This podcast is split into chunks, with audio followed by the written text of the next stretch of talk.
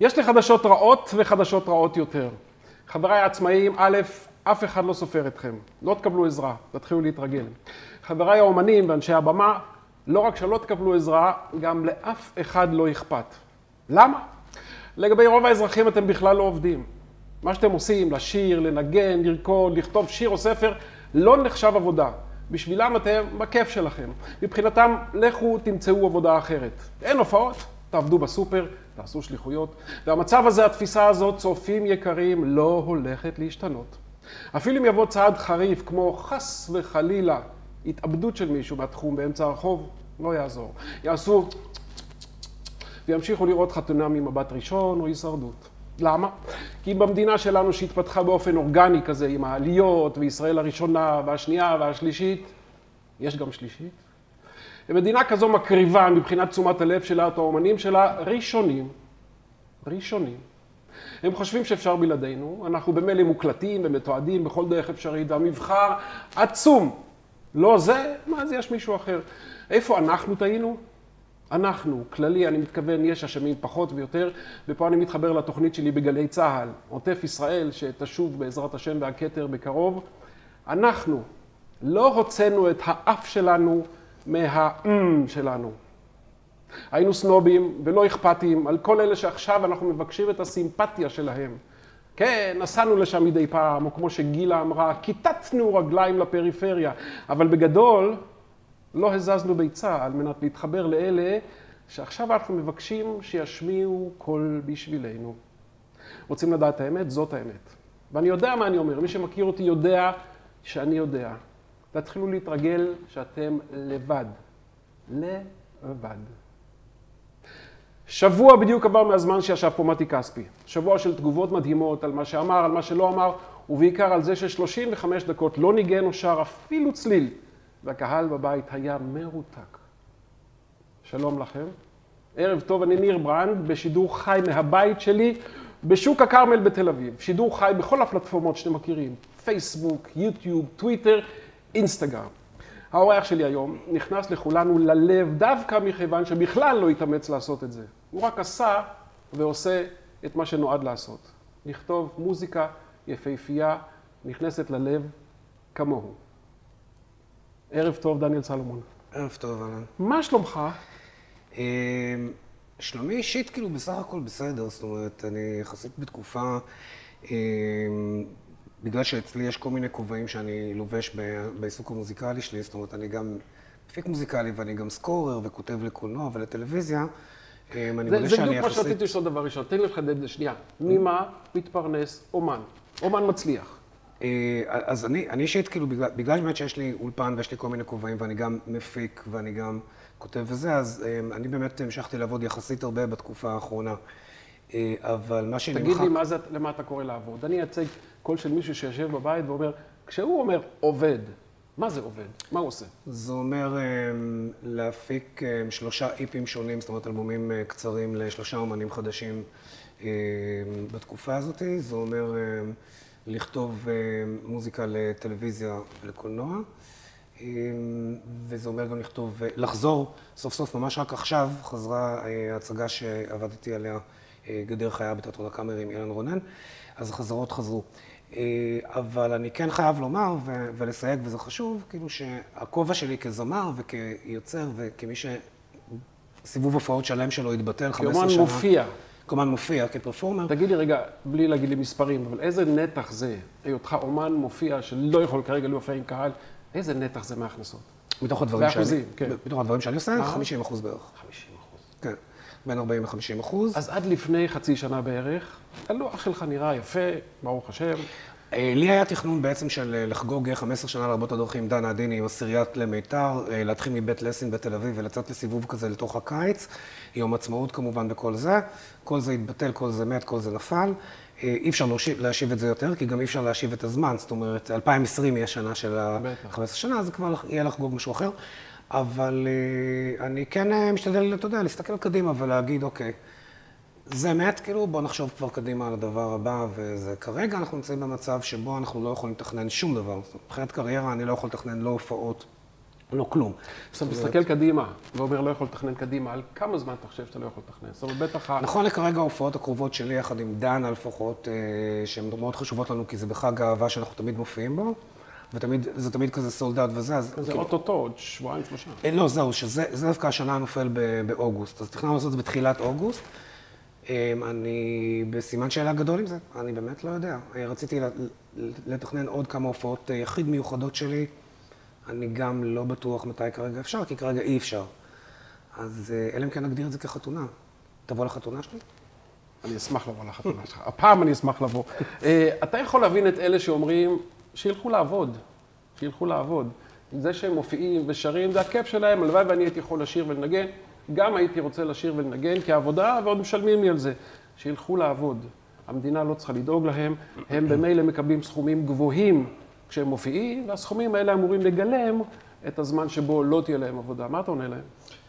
אני אישית, כאילו, למי ש... זאת אומרת, למי שזו דעתו, לי, לי אין שיח איתו. לי אין מה לענות לו. למה? כי אין לי יחס לשיח מהסוג הזה. תסביר לי. אמ, בעיניי, גם אתה מקודם התייחסת לזה במונולוג הפתיחה שלך. כן. אמ, מה שאתה תיארת אמ, הוא, הוא, הוא, הוא אולי נכון, אבל הוא נכון לנתח, לנתח מסוים. זאת אומרת, יש אנשים שזו דעתם. לא, התכוונתי, יש אנשים שדעתם זאת שעכשיו ש- הצגת, שחושבים שהאומנים זה איזה מין משהו תחביב כזה, וזה, לכו לעבוד במשהו אחר. יש איזה אנשים, את האמת, אני חושב שמדינת ישראל, נכון להיום, תכלס זה מיעוט. זה שהרבה אנשים לא צועקים את הצעקה שלנו, ולא באים ולא אומרים, אה, באמת, ולא אומרים, "אה, אה, זה חסר וזה, זה משהו אחר, זה קשור בעוד דברים, אבל אני חושב ש... במה זה קשור, דני? במה זה קשור? זאת אומרת, למה אין הפגנות, אל תעזבו את האומנים, למה לא שורפים צמיגים על מנת שתהיינה הופעות? כי אני חושב שזה קשור גם בזה שלמען האמת, הרבה מאוד אנשים איבדו את העבודה שלהם, ולא כן. רק אומנים, ולכן כאילו הם קודם כל חושבים על, אתה יודע, על היום-יום שלהם כל הקשה. אחד חושב על עצמו. כן, אני בא יותר בטענה, זאת אומרת, הבעיה? שלי, הבעיה שלי יותר כאילו עם מי שנמצא למעלה, עם מי שאמון עלינו, זאת אומרת, עם, עם, עם, עם שר האוצר, עם, עם, עם שר התרבות וכולי. אבל הם ש- אומרים, יש לי כל כך הרבה אנשים בתור, יש לי נכים, יש לי קשישים, יש לי ניצולי שואה, יש לי עובדי תעשייה, יש לי ענף התחבורה, יש לי ענף המלונאות, המסעדנות. האומנים האלה הם תמיד יכולים לקחת גיטרה, להיכנס לאיזה מקלט לשיר, הם כבר הוכיחו שהם יודעים אני- להמציא את עצמם מחדש כל פעם. אני- שיסתדרו. אני אישית לא שמעתי אה, אה, שר בישראל אומר את זה, אם אני אשמע אני שר שאומר את אני זה. אסביר לך איך, אתה מוכן... לא, אני, אני חושב שמדובר באנשים שהם, זאת אומרת, אני, לא, אני רגע שנייה שם בצד את טרופר שנראה לי איש ראוי, אבל אני חושב שכרגע איפה שהדברים עומדים, אני שמעתי, אני הבנתי ששר האוצר אמר, אה, נדמה לי אביב גפן, כן. הוא אמר שהוא מינה ועדה שבעצם תעבוד על עניין המוזיקה והתרבות, זאת אומרת, ועד- ועדה כזאת שבזה כרגע, זה לא קרה. אתה יודע שככה קוברים החלטות. מקימים. ועדה להתראות. זה מה שהבנתי, שהיה צריך, להיות צוות כזה, הצוות הזה לא קם עד עכשיו. הוא לא רוצה קם, כי משהו- סביר משהו- להניח- לא, לנסות- סביר להניח שזה פשוט באמת לא חשוב, זה פשוט לא חשוב לנסות לאיש הזה. להעביר דרכך. תראה, פוליטיקאים בגדול לא אנשים רעים. הם לא באים כוונה רעה, להפך, רובם מגיעים תמים אל הפוליטיקה ומתכוונים אכן לשנות ולעשות טוב. אבל- ויש. נכון. אבל אני מתאר שהרוב באמת ליבם אה, נקי. הם באים ואז הם שומעים את הציבור, ומנסים לרכב על כל הציבור, יענו כל המון ככל שדי. הם מרגישים שהציבור לא אכפת לו מהאומנים ומ-150 אלף עובדי הבמה והסאונדמנים והטהורנים ומורחי הג- גף הטייפ בכל מיני מקומות. והם אומרים, אם לציבור לא אכפת, אני ממילא לא מרוויח מזה נקודות. תשכנע אותי, הנה אני שר האוצר. שלום. דבר איתי. למה אני צריך לפצות את דניאל האוצר, סלומון וזה וזה וזה וזה? אז אם אתה, שר, האוצ- אם, אתה ספציפית שר האוצר, זה מאוד מקל עליי, אני חייב להגיד, זה היה. מאוד מקל. אז קודם כל, שואל אותך, יש לך שקל? כן, צריך להגיע לבאר שבע. אוקיי, אבל הדבר. השני שהייתי שואל אותך זה, אמ, יכול להיות שבאמת הייתי בפנייה הכי ישירה, שואל אותך, מתי פעם אחרונה ראית סרט? מתי פעם אחרונה שמעת אלבום? מתי פעם אחרונה היית בהופעה? איזה? מה יצא את ילדותך? מה שמעת בגיל 16? אתה זוכר את הספר ההוא שקראת? מה זה עשה לך? אהה. עשה לך משהו? הדברים האלה, השאלות האלה שכולנו כאילו גדלנו על איזה, איזה עולם תרבותי שעיצב אותנו. עכשיו, זה לא משנה מי יותר, מי פחות, זה פחות חשוב, זה גם לא משנה מה. אבל העולם הזה עיצב אותנו, עיצב את הבני אדם שאנחנו. והוא חשוב, הוא חשוב, אה, אתה יודע, אני תמיד, אני, תמיד אני אומר, אה, בין היתר, גם לפעמים כשאני נפגש עם סטודנטים וזה, יש את הצורך במים, באוכל, באהבה כמובן, בשינה, ויש גם את הצורך במלודיה טובה. זה צורך, מלודיה טובה זה צורך. מה זה מלודיה טובה? וואו. תסביר לי במילים אחרות, לא מוזיקליות. לא מוזיקאי. אנחנו יכולים לשבת עד מחרתיים אני ולנתח אני- ניתוחים מופלאים, קטעי אני מוזיקה. מנסה להגיד את זה מעולם שאתה, שאתה אתה תזהה מאיפה זה בא, אבל. כאילו, אה, מלודיה טובה היא, אם אני באמת, באמת אומר את זה באמת ובתמים, אני חושב שהיא היחסים הנכונים בין מתח והרפאיה ברגע נתון. אהה. לא יודע, זה נשמע קצת כזה פילוסופי, אמיתי לגמרי. תסביר לי, אני- מיודענו, פרופסור סדאי כן. לימד אותנו את זה. איפה המצלמה שלי? פה? דני בא אליי, היה נער, גרתי ברחוב נחמני, ואמר, תשמע, אני כותב שירים, השמיע לי שירים, נגנבתי. אני רוצה ללמוד, אני רוצה להתקדם, תמליץ על מישהו. והמלצתי לך על פרופסור יצחק סדאי, פרופסור סדאי, שלדאבוני הלך לעולמו לפני כך לא. וכך חודשים, ממש. ואתה ממש אמרת שלא. כדאי שאני אעשה את החיקוי שלו, כי זה עלול לפגוע. לא, זה... אבל בכל זאת אני רוצה אולי חצי משפט לומר על ההרמוניה הקונטרפונקטית ועל הקוראלים הפרילודים של בחוק, זה פנטסטי המוזיקה הזאת. געגוע לאיש הזה שדיבר ככה, ו...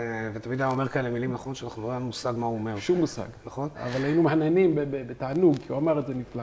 האיש הזה, אה, אני רק רוצה לציין, אני רק רוצה חושב ככה, לציין, שמי שכותב הזה... שיר יפה, מלודיה יפה, הוא קדוש. זו בעיניי. אה, ככה אני אישית מתייחס לזה. אבל הנה אני חקלאי מאזור לכיש, ואני אומר, שילכו לעבוד, אני לא צריך לפרנס אותם. אני חורש את אדמתי, משקיע, אה, מקלטר, בוצר, זורע, שילכו לעבוד. אה, אז שוב אני אומר, יש, אם יש אה, אה, חלק מסוים בציבור שזאת הדעה וכל מיני טוקבקיסטים שזה מה שאומרים, אין לי שיח איתם, זאת אומרת, לא מעניינים אותי, זאת אומרת, אה, אוקיי, אז לכו גם אתם לעבוד, לא יודע, אין לי תשובה לזה, זאת אומרת, אה, אה, זה, זה משהו שהוא באמת אה, לא, מבחינתי, לטעמי, לתחושתי באמת, אין לי איך להתייחס לזה. כי אז, מה, ש... כי מה שאתה אומר, בעצם במילים אחרות, אתה מבטל אותי, את היותי.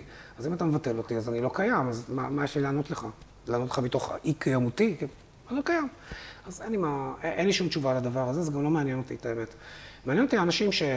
ויש כאלה הרבה מאוד בארץ, שאוהבים מאוד מוזיקה ישראלית וצורכים אותה כל הזמן, והיא חסרה להם מאוד, ו... וחסר להם ללכת להופעות, אם זה בברבי ואם זה בזאפה ואם זה בכל מקום אחר, וזה חסר. זה חסר באמת, לא רק לנו כאומנים, גם לקהל הזה שאני יודע שכל כך אוהב את זה.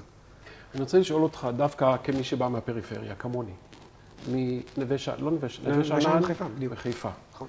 אז ככה, אביך הוא אדריכל מוכשר ומפורסם, נכון, יוסף סלומון. נכון, הוא בנה בין היתר את מרכז הקונגרסים קונגרסים בחיפה, נכון. את המדיאטק בחולון, נכון. ועוד. נכון. אחיך, כן. נתן, הוא האיש הכי מוכשר שאנחנו לא מכירים. הוא איש מוכשר ביותר, שהרבה מאוד וכדאי להגיד אנשים פה את מכירים. שמו, נתן סלומון, תעקבו אחריו, נתן ובנות השטן. זה אלבום, אה, אחד מהאלבומים היפים שאני שמעתי אי פעם. דניאל. אגב, אגב, זה, זה הבן אדם, זה מבחינתי הבן אדם ש... אני, אני חושב שהוא בעצם, בזכותו אני מוזיקאי. אחיך. כן. ויש תופעה כזו, ההרכבים המשפחתיים שלנו, אני ונתן חברים מאז גיל 18, וההרכבים המשפחתיים, של, המשפחתיים שלנו די דומים, זאת אומרת, הוא אח בכור, אני אח בכור, יש לנו אחות, ולך יש אחות באמצע, ואתה הצעיר במשפחה שלך, נכון. ולי יש את אחותי מיכל במשפחה. יש לי מין תיאוריה כזאת, תגיד לי אם אני צודק. על הראשון, על הבכור, תופסים את ה... ויש לו מזל אם הוא, הוא מצליח להיחלץ כי הוא הבכור וכל המשקל עליו. השנייה, שמחים שהיא הגיעה. והשלישי נותנים לו לחיות. אז אתה השלישי, לי יש אחות שהיא האחות הצעירה והיא אחות שלישית במשפחה. אה, אני רוצה, א', אתה מסכים לתיאוריה הזאת? אה, תיאוריה מעניינת, התיאוריה שאני מכיר זה אה, לא נותנים לחיות לאף אחד. לאף אחד? אף אחד. רק כי ההורים אצלכם, כי ההורים פולנים או מה? אני חושב שזה כנראה איזו שלוחה של פולין בארץ, אבל, אבל אני, אני רוצה כאן לציין איזה משהו לגבי העניין של נתן, וזה שכשאני הייתי ילד קטן, אני מדבר איתך על גיל 3-4, נתן כבר ניגן גיטרה ברמה גבוהה, הוא כבר היה בן איזה ככה, אזור נגיד ה-12-13, משהו כזה. ואני... מהפרש הגילים ביניכם אגב? 12 שנה. עכשיו, בדיוק כמו אצלנו. אני אומר לך שאני ממש זוכר, ואני בדיוק חשבתי על זה היום, אני זוכר את עצמי יושב ושומע מבעד לדלת השנייה, אה, כזה את ההולכה הזאת של אה, Black Bat Sing on Dead on Night. בלקברד של החיפושיות. כן, ואני ממש זוכר את הקסם הנגינתי, משהו, זה מצלצל. עכשיו, יכול להיות שאני יודעת אולי ניגן באך או משהו, אבל אני כן זוכר את, את הצבע הזה של הבלקברד הזה, ואני אני חושב שזה בעיניי, זה, זה אולי הדבר המשמעותי ביותר שגרם לי, זה הקסם הזה שפתאום, אוקיי, זה, זה, צריך לעשות את זה, צריך לדעת לנגן.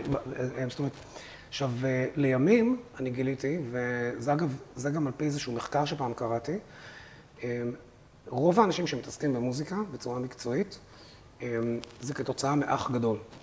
אח גדול הכוונה היא גם לארכיטיפ כלשהו, זאת אומרת, דמות גדולה שעושה משהו וזה מכשף אותך, ואני חייב אה, לנתן את הכישוף המדהים הזה, שהוא חולל בי עד היום. נתן סלומון. אה, אני רוצה לחזור לשאלה שממנה יצאתי, ילד שבא מהפריפריה, ועשה את זה. האם אנחנו האומנים חוטאים ביחס המתנשא שלנו לפריפריה? אנחנו לא שמים עליה, אנחנו עושים טובה שאנחנו נוסעים, אנחנו איך שמגיעים עושים את שלנו ובורחים חזרה. אני אשאל אותך, וסליחה שאני אתנפל עליך, אבל אתה פה. היית אי פעם בחיים בנתיבות? כן, בטח, הופעתי שם אפילו ביום עצמאות. או, הופעת. אבל. האם נסעת, נגיד, מרצונך, נגיד לאכול פלאפל בנתיבות, אה, נתיבות ספציפית לא. אה, ערד, כן, עפולה? גם. כאילו ביקור חברתי, אני מתכוון, לא לנסוע. להופיע. אמיתי לגמרי. בוא, אתה שובר לי את הסטטיסטיקה. מגדל העמק, מגדל העמק הייתי נוסע לשם הרבה בילדותי, הייתה לי שם חברה טובה. באמת, חצור הגלילית, רק להופיע. אשקלון. לא, אשקלון בוודאי שביקרתי. יש אנשים שבחיים לא היו במקומות האלה. נכון. עכשיו כשהם באים אל הפריפריה ואומרת, פריפריה, תביא סימפתיה קצת, תן לנו מה לאכול. פריפריה אומרת להם, איפה הייתם כשהייתם סנובים עלינו? אה, אז כן, מה אתה אומר בזה? זאת אומרת, אני חושב שזה... אני חושב שחטאנו. אה, אתה- אתה, יודע, אתה, זו דעתי, אתה... אתה מוזמן להירשם אליה כמו שסטינג אומר, או לא. לא, אני, אני, אני, אני משוכנע שנ... זאת אומרת, אני יודע שנעשו עוולות, עוולות כאלה בישראל. אני אישית פשוט אה, פחות מכיר את זה, כי א', אני בא מכזה מקום, זאת אומרת, אני גדלתי בנווה שאנן בחיפה, לא גדלתי באיזה מרכז או באיזה משהו כזה. זאת אומרת, אה, אז אני מכיר את זה לחלוטין על בשרי, אבל אף פעם לא, אני מודה שאני אף פעם לא ממש הצלחתי ברמה הזאת. אני כן יכול להגיד לך שכאומן מופיע, אני כל הזמן, הדבר שהכי חשוב לי זה מתי תהיה לי הופעה שהיא מחוץ תל אביב. זאת אומרת, אני נורא מחכה לזה, של מה? להגיע לבאר שבע, להגיע לשם, להגיע לחיפה, אתה אוהב להגיע את לזה. הנסיעה. זה כיף, שם נמצא הקהל שאתה רוצה לפגוש מאוד מאוד מאוד. כי את הקהל טלוויזיה אני מכיר מצוין, אני מופיע לו כל הזמן, אבל שם נמצא הקהל הנפלא שלך, שאתה נורא כיף לראות אותו, ואתה לא מכריח אותו לבוא למרכז, אלא אתה מגיע אליו, זה בוא כיף. אני רגע אעמיק את השאלה. היית נגיד לוקח על עצמך, ולא רק בעבור המחיר הנכון, כן? נגיד אה, לבנות איזושהי מקהלה באחת מערי הפריפריה, להגיע אחת לשבוע וללמד אותם, אישית, לעבוד איתם. אישית לי זה היה פחות עובד, לא בגלל ש... לא מתוך חלילה... לא המרחק. לא, לא חלילה מתוך המרחק, בכלל לא, אלא פשוט אה, ממש לא. פשוט כי נראה לי שלא הייתי מספיק טוב בזה, וזה לא מספיק, אה, אני, זה לא מספיק הדבר שאני יודע לעשות. גם צניעות יתר היא חטא. צניעות יתר היא חטא. בחיי שלו, אני... אני אבל היית עושה כזה דבר, נגיד, פרויקט מוזיקלי, או, או להיות אה, מנטור של חבר'ה מוכשרים מהפריפריה, אה, מעבר לפעם, פעמיים, באופן שיטתי, שנה, שנתיים, שלוש. אה, אני חושב שיצא לי במסגרת העבודה שלי ברימון לעשות את זה לא אחת. אהה. אפילו הרבה פעמים. היית מקבל טלפון עוד חודשיים, דניאל סלומון, מאוד אוהבים אותך אצלנו, אתה בא או לא? לא, יש מצב לגמרי. אני, אני צריך לחשוב על זה, אני תלוי מה, זה כל הבנתי. לגופו. אבל אני כן יכול, כן יכול להגיד לך שבמסגרת רימון יצא לי הרבה מאוד לעשות את זה. זאת אומרת, הכרתי המון אנשים צעירים, באמת שגם לא, לא רק צעירים, מכל הארץ, אה, ו, ומאוד לתמוך, מאוד לתמוך בלמידה של מוזיקה לאנשים האלה. יפה. אני רוצה, אה, בשבוע שעבר היה פה מתי כספי, ושאלתי אותו על פי ברנבוים, אה, ברנבוים אמר שאם לו, היו נותנים לו מה שהוא רוצה, הוא היה מבקש חצי שעה עם מוצרט. שאלתי את מתי אותו את השאלה, הוא אמר שני חצי שעה, אחד עם בטהובן ואחד עם סטיבי וונדר. חצי שעה לדניאל סלומון, עם מי? אה, פרינס, פרינס. בטוח. אוקיי. אה, אופציה שנייה, נגיד מישהו חי, אה, מישהו חי? נגיד שפרינס לדאבוננו כבר לא יקרה. לא. אה, מישהו חי, שאלה טובה. אני חושב שיש אה, סיכוי שאולי סטיבן ספילברג? סטיבן ספילברג, למה? כן. אני חושב שהוא אה, השפיע מאוד מאוד על ילדותי ועל כנראה היותי כאדם. באמת. כן, הוא השפיע עליי מאוד בסרטיו, וחוץ מזה שאני חושב שהוא, הוא נראה לי שהוא פשוט איש מקסים. סטיבן ספילברג. ממש. הוא נראה לי איש מקסים. אני רוצה להגיד לך חמישה שמות, אל תחשוב, תגיד לי את המשפט הראשון שעולה לך בראש, בסדר? אוקיי.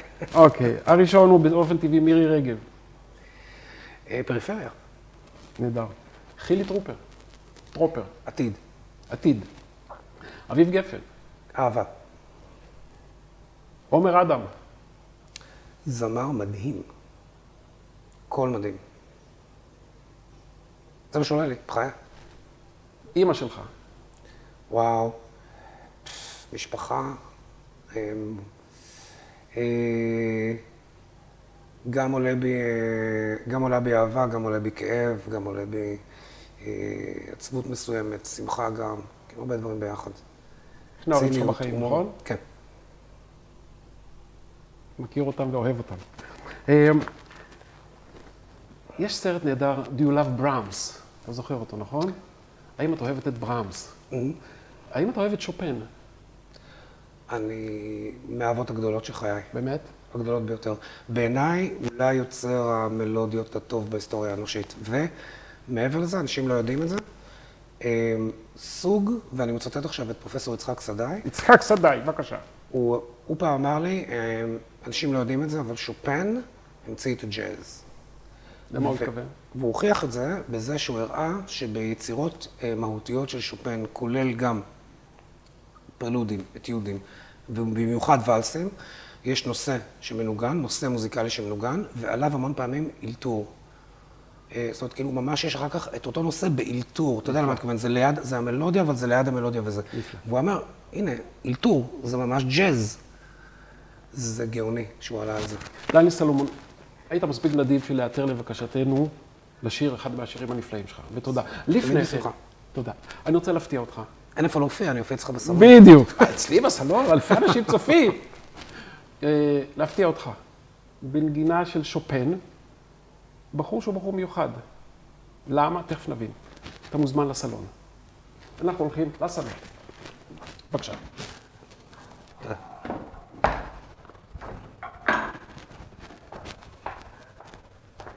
וואו, שלום, תראו מפה.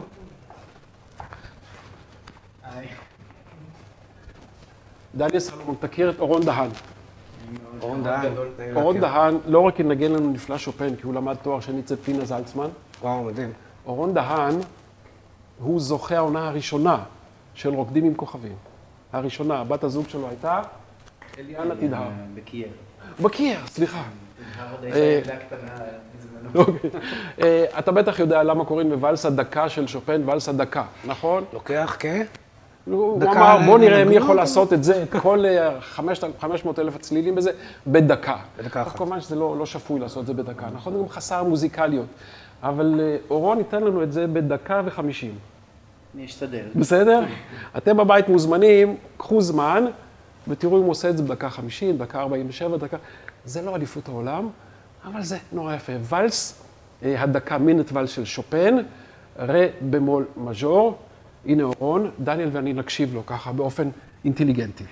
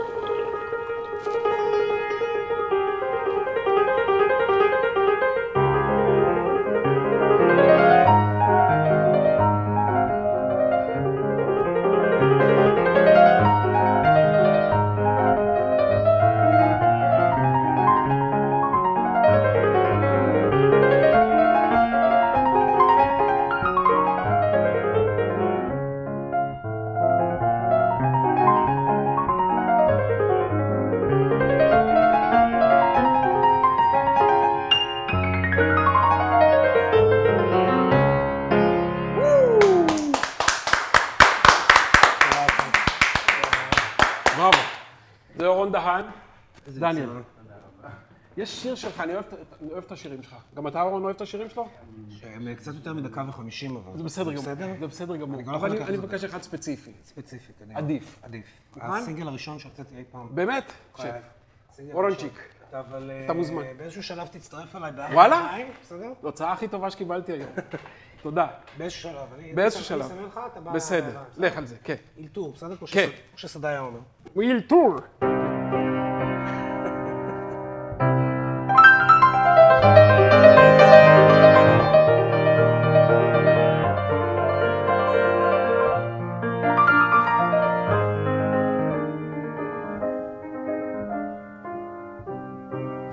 יותר מפעם אני חשבתי לעזוב ולנטוש את הרחוב שעשה לי כל כך טוב. כי העיר הזאת קטנה לשנינו והיא מלאת כאב. תמיד נרצה להתאהב בדבר האמיתי ולא אחד בשני.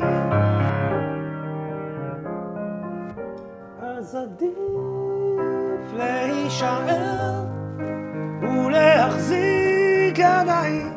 כיסופות חזקות מקרבות ובאות מקרבות ויודעות עלינו עדיין. אז עדיף להישאר שלא נעוף ברוח. היא תבוא, היא תבוא, היא תבוא, כן היא תבוא ואני בטוח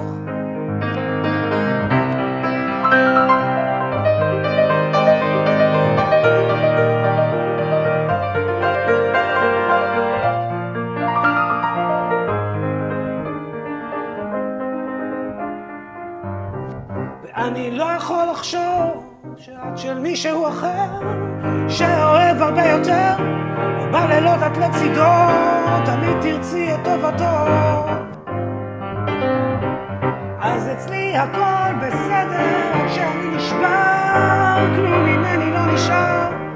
מדמם על הרצפה רסיסים של אהבה.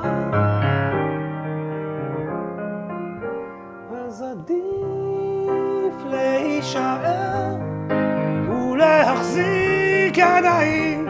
כיסופות חזקות מתקרבות ובאות מתקרבות ויורדות עלינו עדיין. אז עדיף להישאר שלא נעוף ברוח. היא תבוא, היא תבוא, היא תבוא, כן היא תבוא.